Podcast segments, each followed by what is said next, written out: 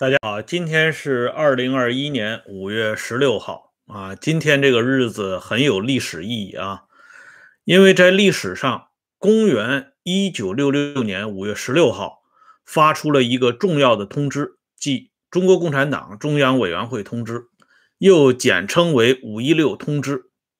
历史上把这一天定为文化大革命发动的日子，所以呢，在这个历史再一次啊，这个是这个历史性的日子再一次出现在我们眼前的时候，我们看到的已经不仅仅是历史了。因为昨天我的节目里边连续给大家介绍了一下关于江青在三十年前的那个啊突然离世的情况啊。可是呢，也是在昨天，大家通过互联网能够看到，啊，在中国的某一个地方召开了一个别开生面的座谈会。这个座谈会呢，就叫李进历史地位座谈会。这个李进是谁呢？就是江青啊，因为这个当年我们都知道，毛泽东曾经送给江青那个“天生一个仙人洞”。无限风光在险峰的那首诗，题目就是李进同志。而这个在党内高层化名李进的有两个人，一个是男李进，一个是女李进。啊，这个大家要搞清楚，这也是一个党史上的小常识。男李进呢就是林彪，女李进呢就是江青。应该讲啊，这是一个非常有意思的事事情。林彪化名李进是在上个世纪四十年代，就是在第二次世界大战的时候，他在苏联养病期间用的化名叫李进。那江青呢，是在上个世纪五六十年代用的化名叫李进。而且啊，无独有偶的是，这两个李进，一男一女。可以算得上是文攻武卫，啊，算得上是伟大领袖在开启文化大革命这架战车的左膀右臂，啊，可见呢，这个李进的名字啊，不是随随便便叫的，这有人还是愿意这个。那么下边呢，我们就来简单说一下江青为什么会选择在五月十四号这一天提前离世。啊，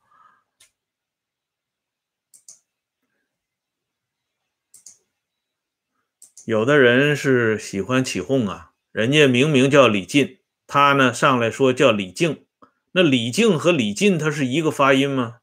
所以这样的同志呢，只好隐藏起来啊。不方便与大家见面了。那么下边呢，我们来看一下江青为什么选择五月十四号这一天。之前我节目播出的时候，有的朋友就说他这个日子有什么特殊吗？有特殊性啊。当初呢，我没有在节目里说，就是为了今天留这么一个小伏笔。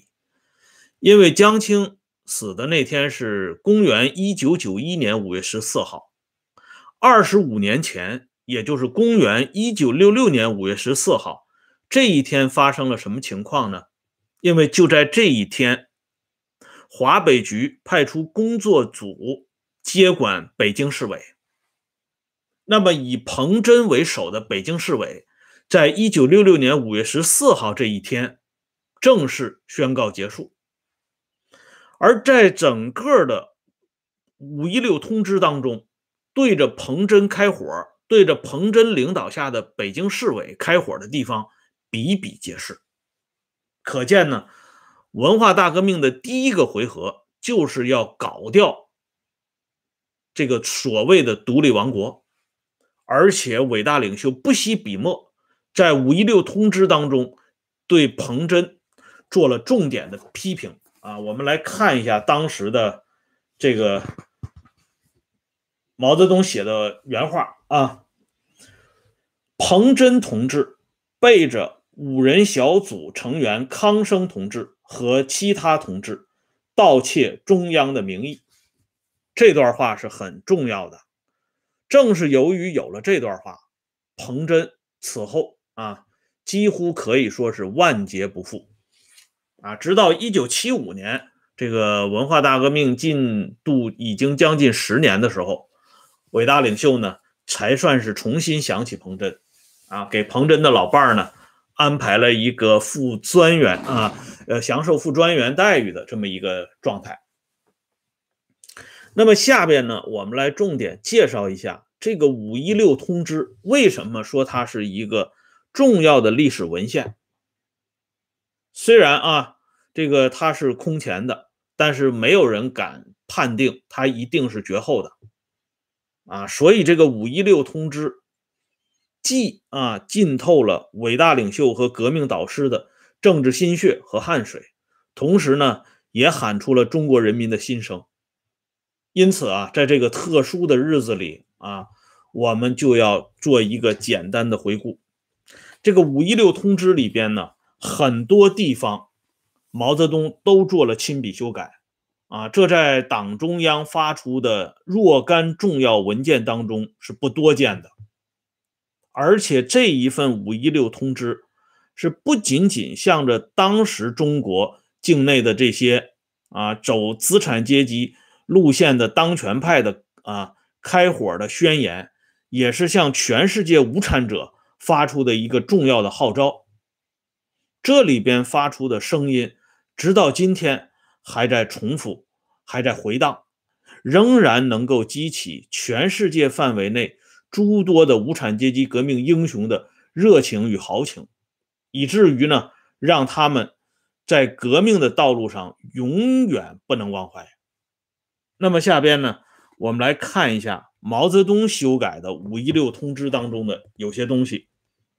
嗯，他首先呢是在组织上提出一个重要的决定，撤销原来的文化革命五人小组及其办事机构，重新设立文化革命小组，隶属于政治局常委之下。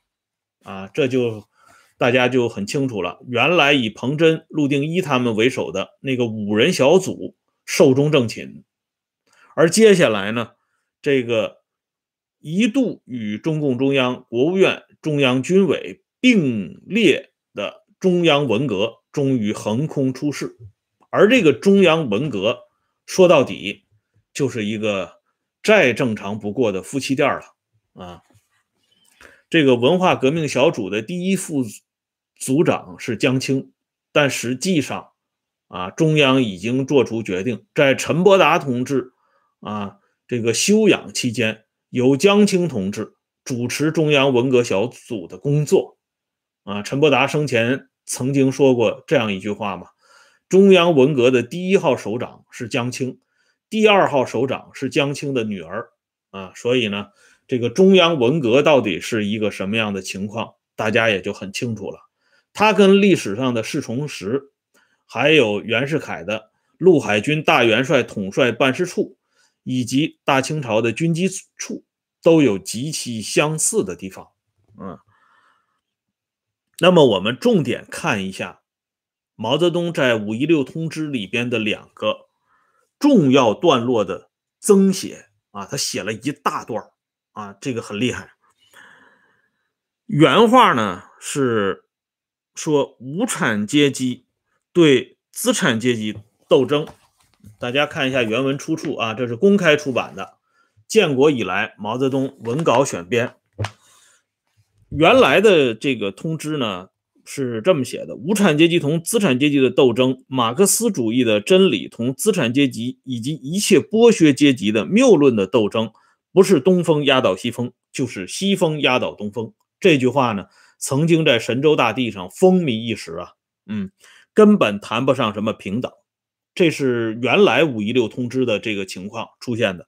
但是毛泽东呢，接着加写了这么一段话，这段话是很厉害的。他写道：无产阶级对资产阶级斗争，无产阶级对资产阶级专政，无产阶级在上层建筑，其中包括在各个文化领域的专政。在这些基本问题上，难道能够允许有什么平等吗？这句话是很厉害的。就是说无产阶级同资产阶级的斗争不要讲平等，那些啊毛泽东所说的所谓平等关系、和平共处关系、仁义道德关系没有了。最点题的一句话是这么写到的：我们对他们的关系绝对不是什么平等的关系。而是一个阶级压迫另一个阶级的关系，即无产阶级对资产阶级实行独裁或专政的关系，而不能是什么别的关系。老实说呀，这个我们都知道，我们这个伟大、光荣、正确的组织，在上个世纪能够号召千百万人民抛头颅、洒热血啊，跟随他呢，一直打进北京城。就是以推翻和打倒蒋介石独裁统治为旗号的，而在这份通知当中，伟大领袖以其非凡的胸怀、胸怀啊和无比的魄力，再一次把这两个字宣布了出来，因为这是无产阶级对资产阶级的专政，同时他并不吝惜笔墨，把这两个字“独裁”的这两个字写了出来，啊。所以咱们说他是空前的，因为在这之前，除开列宁在非公开场合下说过这两个字啊，还没有哪一个无产阶级革命领袖敢于把它宣诸于世，用这种公开的最高层的中央文件把它确定下来啊。一所以说，伟大领袖为什么是伟大领袖？伟大就伟大在这里。同时呢，我们也要承认。中国人民也非常伟大，因为当伟大领袖伸手一挥的时候，千百万的中国人民再一次热血沸腾起来，啊，山呼万岁！那个场景啊，我们当时称之为“红海洋”，那个场景真的是让世界上一切反动派心惊肉跳。而这个场景是不是能够继续为其他的后来者所复制呢？啊，目前呢，我们还没有更准确的答案，不妨呢，拭目以待。此外呢，还有一个是毛泽东对未来这个情况的一个重要的预判。他加写的这句话是这么写的：主席经常说，不破不立，破就是批判，就是革命；破就是讲道理，讲道理就是立，破字当头，立。也就在其中了啊！你看，领袖当年经常说一句话，在重大思想原则问题上，从来没有谦虚过。这话实际上是对的。人家在文字当中就直接讲，主席经常说啊，自己就称自己为主席，连毛泽东同志这五个字都忽略了，这是很厉害的。而这个不破不立。最终，伟大领袖的总结是很厉害的，“破”字当头，“立”也就在其中了。破就是批判，就是革命。当年叫革命，后来呢叫发展，那么现在和将来又叫什么呢？这个咱们不妨啊也拭目以待。而这个所谓的“破”和“立”，说到底都是革命，都是折腾，啊。所以后来为什么陈伯达引用伯恩斯坦的那句话啊，引起伟大领袖的愤怒？那就是运动就是一切，而目的是没有的啊。那么从这两段话当中，我们就可以看出五一六通知对于历史上的中国啊，对于日后的中国，它必然会产生这种空前的影响。没有哪一份历史文献像五一六通知这个东西这么厉害啊！既昭示了中国的过去，也昭示了后边的未来！不说是空谷绝音吧，啊，空谷足音呢，可能也差不多，至少在政治上可以算是轮音一类的概念。那么接下来呢，我们再来看一下昨天啊节目里边，我就简单提一下。其实啊，这场文化大革命除了之前我强调的这种报私仇的概念之外，它还有一个伟大的尝试这个伟大的尝试就是由邦天下向家天下转移的这种尝试。这种啊，邦天下和家天下之间没有不可逾越的壕沟啊，就像我们之前我在讲节目里边就说到这个问题啊，因为在中国历史上呢，一直是在不断的演进这个从邦天下过渡到家天下的这个过程。历史上的西汉王朝就是一个最典型的例子啊，刘邦呢依靠功臣集团夺取天下。但是夺取天下之后呢，他发现这个巨大的功臣集团已经形成尾大不掉的这个趋势，所以为了保证江山万年，必须要把这功臣集团搞垮。所以刘邦啊，首先就搞掉了韩信、彭越和英布这三个人。但是刘邦天不假以年啊，在搞掉这三个异姓诸王之后呢，他已经余日无多了。所以他只能行白马起誓，啊，用这种简单空泛的所谓誓言来约束一下跟他一起啊造反的这些老兄弟们。但是呢，包括吕后在内都没有办法对这个功臣集团实行彻底的改变。因此，当吕后去世以后，啊，这个周勃、陈平等人马上就生变。啊，推举了汉文帝出来，代王刘恒是刘邦儿子当中最不起眼的一个人，但为什么把他超越了齐王刘襄扶植上来？只是因为功臣集团认可他，他势单力薄，没有羽翼，没有这个啊团伙，所以这个人呢易于操弄，啊，就是特别容易驾驭。哎，所以这个汉文帝才会出现，这是西汉的状态。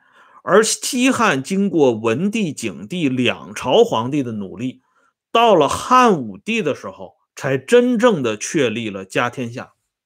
啊，异姓功臣集团和同姓诸王集团在文景两代被陆续的铲除殆尽。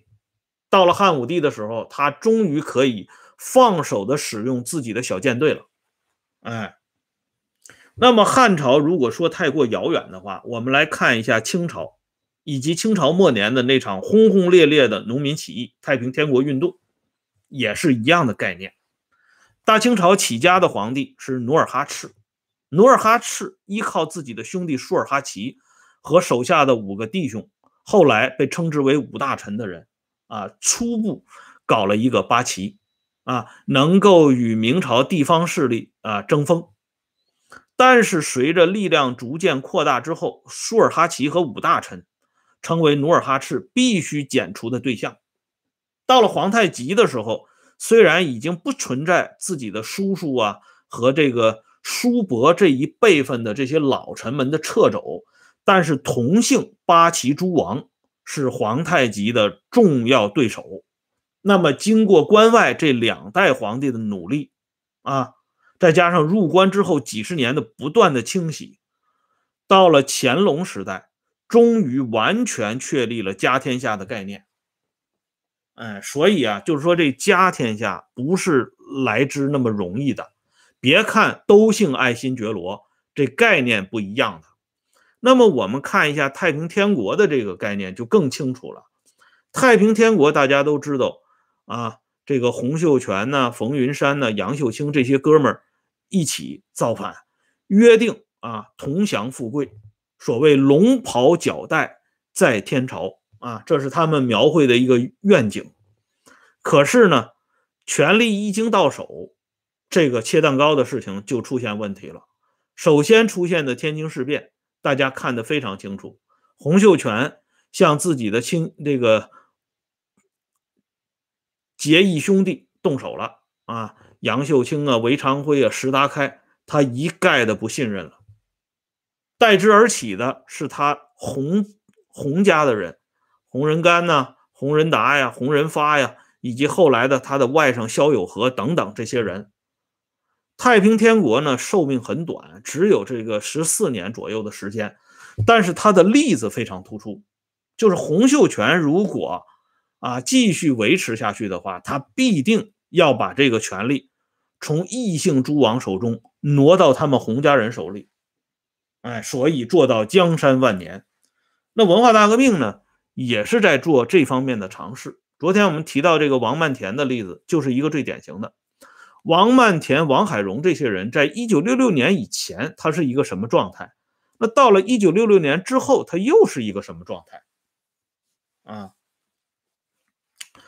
而作为文革这架战车的副手，第一副手林彪也在一样画葫芦，他在扶植自己的老婆和儿子。当然，也正是由于他做的过于露骨，所以被伟大领袖所清洗啊，这是另外一个话题了。所以，通过文革的这场运动，我们可以清晰的看到历史上的某些镜像，在文化大革命当中得到局部的重演。也是因为这场革命呢，第一次这场大革命呢，这个整个发动的比较仓促啊，虽然酝酿了十几年，但毕竟比较仓促。而且呢，领袖当时身边的助手呢参差不齐，啊，这个部分人员没有经过长时期的培训，啊，甚至呢，呃，这个没有经历过某些这个具体工作的这个啊磨练，所以显得这个非常生手，因此第一次无产无产阶级大革命呢是不可避免的失败了，但是他留下的诸多经验教训。啊，却让中国人民呢从故纸堆当中逐渐的发现，像昨天发生的这个李进的历史地位的座谈会，就是呃对其经验教训的一个重要的总结啊。那么将来啊会发生一个什么样的情况？这个我们目前还不好判定，但是从已经发生的这些事情当中，我们是不是可以看到一些其他的东西呢？哎，好了。今天的这个话题呢，我们就说到这里。感谢朋友们上来支持和收看，欢迎大家关注“温相说时政”会员频道，周一到周五每天都有更新。再见。